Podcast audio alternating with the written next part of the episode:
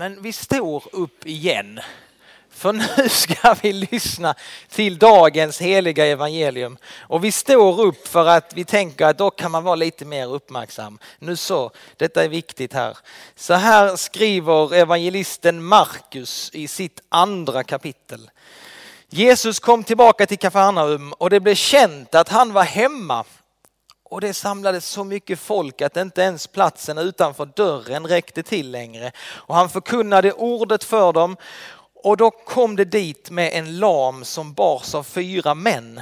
Och eftersom de, de inte kunde komma fram till Jesus i trängseln bröt de upp taket ovanför honom och firade ner bädden med den lame genom öppningen. Och när Jesus såg deras tro sade han till den lame mitt barn, dina synder är förlåtna. Och nu satt där några skriftlärda och de tänkte för sig själva, hur kan han tala så? Han hädar ju.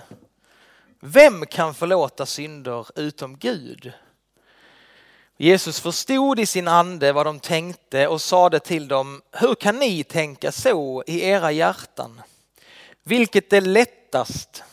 Att säga till den lame, dina synder är förlåtna. Eller att säga, stig upp, ta din bädd och gå. Men för att ni ska veta att Människosonen har makt att förlåta synder här på jorden, säger jag dig. Och nu talar han till den lame. Stig upp, ta din bädd och gå hem. Och mannen steg upp tog genast sin bädd och gick ut i allas åsyn så att de häpnade och prisade Gud och sade aldrig har vi sett något sådant. Så lyder det heliga evangeliet. Lovad vare du Kristus. Varsågoda och sitt. Ja, idag möter vi den lame mannen som blir nedhissad på en bår och hamnar framför Jesus. Bara sådär. Han hamnar framför denna undergörare. Han kan göra under Jesus och därför så har de burit honom till Jesus. Och detta är då i Markus evangeliet, det andra kapitlet. Och det har hänt mycket redan i Markus evangeliet. I det första kapitlet i Markus så kan vi läsa om att Jesus han har kommit igång, fått en väldigt bra start. I det första kapitlet så har Jesus drivit ut demoner. Han helade Petrus svärmor som hade feber och febern lämnade henne bara sådär. Det står i det första kapitlet att man kom till honom med alla sjuka och besatta. Och han botade många som led av olika sjukdomar och han drev ut många demoner. Det står i det första kapitlet att det kom en spetälsk man till Jesus och sa till Jesus, vill du så kan du göra mig ren. Och Jesus säger till den här spetälske mannen, jag vill. Bli ren. Och spetälskan, denna fruktansvärda sjukdom där allt hopp var ute för människan, spetälskan försvann och mannen blev helad. Den här mannen blev inte bara helad utan han gick ju också från, på den tiden från att vara oren för resten av livet till att bli ren. För på den tiden så fick man inte röra vid de spetälska. Rörde man vid en spetälsk så blev man oren. Men när Jesus rörde vid honom så blev inte Jesus oren utan mannen blev frisk. Så Jesus i det första kapitlet så har han gjort underverk på underverk. Han är en undergörare. Folket bara samlas och bara wow, vad är detta för någonting? Vem är denna undergörare? Och man sa om honom, alla överväldigades av hans undervisning, för han undervisade med makt och inte som de skriftlärde. Så allt detta sker i det första kapitlet i Markus. Och så nu i kapitel två så börjar det med den här berättelsen om den lame mannen. Och här händer någonting ännu större än ett helande. Jesus han går ifrån att i det första kapitlet vara en undergörare och en mirakelman. Så i det första, andra kapitlet så blir han någonting ännu större. Han blir en person som förlåter synder. Ja, i den här berättelsen som vi läste så gör Jesus något helt otänkbart och oväntat som gör att han hamnar i den första konflikten med de religiösa ledarna på den tiden. Alltså han är inte bara en mirakelman, nu förlåter han synder. Alltså vem kan förlåta synder? Bara Gud kan förlåta synder. Hur kan han göra så här? Alltså här går ändå gränsen. Jesus han gör sig skyldig till någonting otroligt allvarligt. Han hädar. Han säger sig kunna göra någonting som bara den levande guden kan göra.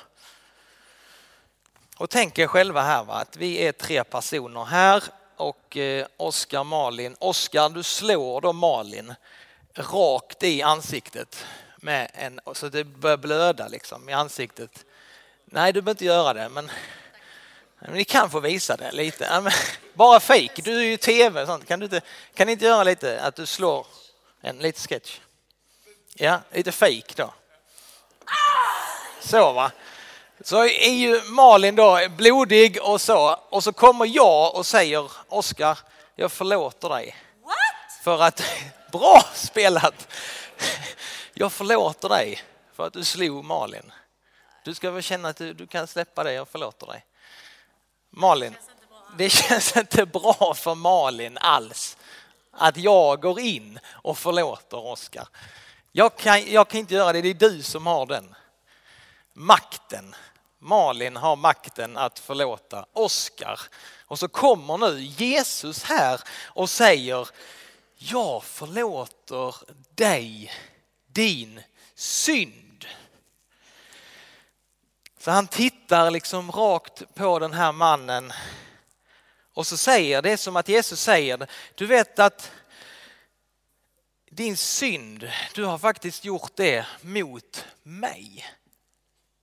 Det är det han säger till den lame mannen. Du, din synd, allting du har gjort, det har du gjort mot mig.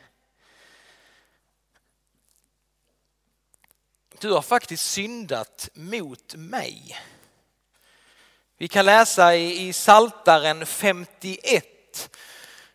Då står det så här, gör mig fri, en syndabekännelse är det. Gör mig fri från all min skuld och rena mig från min synd. För jag vet vad jag har brutit och min synd står alltid inför mig. Mot dig, Gud, och bara mot dig har jag syndat och jag har gjort det som är ont i dina ögon. Så Jesus han säger till den lame mannen, du, du har faktiskt syndat mot mig. Den enda som kan säga så till en människa är hennes skapare så genom att förlåta synder så gör Jesus anspråk på att vara den allsmäktige levande guden som har kommit i mänsklig gestalt. Det är klart att de religiösa ledarna blir ursinniga. Vad håller han på med? Vem tror han att han är? Och så ställer Jesus en mycket intressant fråga här. Han säger, vilket är lättast? Tror ni? Vilket är lättast för mig? Är det att säga till den lame, dina synder är dig förlåtna? Eller att säga, stig upp, ta din bädd och gå? Vilket är lättast? Att bota sjukdomar eller att förlåta synder? Ja, Jesus han vet att från den här dagen, från den stunden då han utger sig för att vara någonting mer än bara en mirakelman. Ja, från den stunden då han faktiskt gör anspråk på att jag, jag är den levande guden. Då kommer dödsdomen att vila över honom.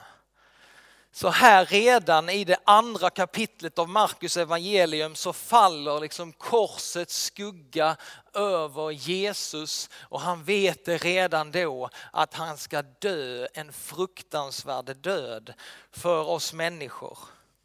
För vi människor vi behöver mer än en undergörare och en mirakelman. Den här lame mannen han trodde kanske att han bara behövde bli hel igen och att han kunde röra på sin kropp. Men han hade ett mycket större problem än det. Hans synder behövde bli förlåtna. Du och jag, vi behöver någonting mycket mer än bara en mirakelman. Vi behöver någon som betalar priset för våra synder. För Paulus skriver i Romarbrevet, syndens lön det är döden. Och där är vi alla skyldiga. Syndens lön är döden. Och i Saltaren 49 så skriver salmisten så här, men ingen kan köpa sig fri och betala lösen till Gud. Att köpa sig fri, det är dyrt. Man kan aldrig betala priset för att få leva evigt och inte läggas i graven. Om vi ska bli fria från synden, ja men då behöver någon annan dö för oss. Jesus han vet att han måste dö. Han säger det om sig själv i Markus kapitel 10. Så säger han, jag har inte kommit för att bli tjänad utan för att tjäna och ge mitt liv till lösen för många. Så när han nu säger detta i Markus kapitel 2, vad är lättast tror ni?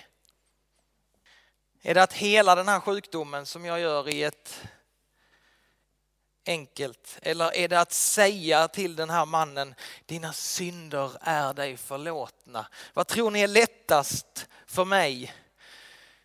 Jesus han vet att kostnaden, han vet vad kostnaden är för att du och jag ska få våra synder förlåtna. Och det är ingen billig nåd utan det kostade Jesus allt. Vad är lättast? Jesus vet vad han ska gå igenom för din och min skull. Han ska gå lidandets och korsets väg för din och min skull. Så att han kan säga till oss var och en, mitt barn, dina synder är dig förlåtna. Det är ingen lätt sak för Jesus. För han vet vad han kommer behöva gå igenom för att denne man ska bli fri från sina synder. Jesus kommer att ta allt på sig.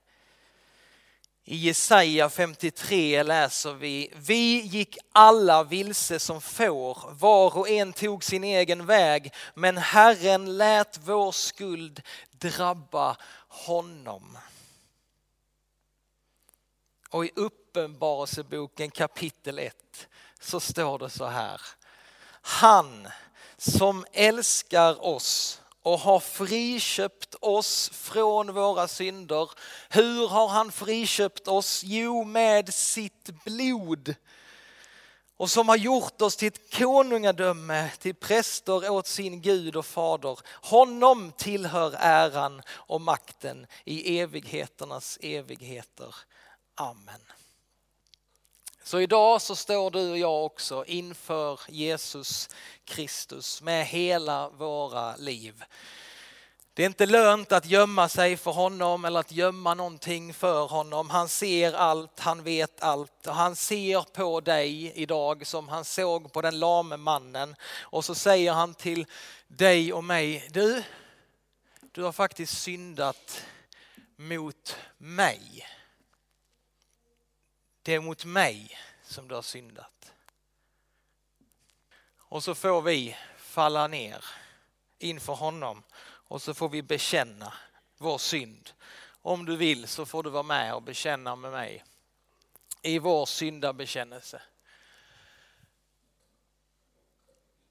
Jag bekänner inför dig helige Gud att jag ofta och på många sätt sätt har syndat med tankar, ord och gärningar. Tänk på mig i barmhärtighet och förlåt mig för Jesu Kristi skull vad jag har brutit. Herre, hör nu varje hjärtas tysta bön och bekännelse.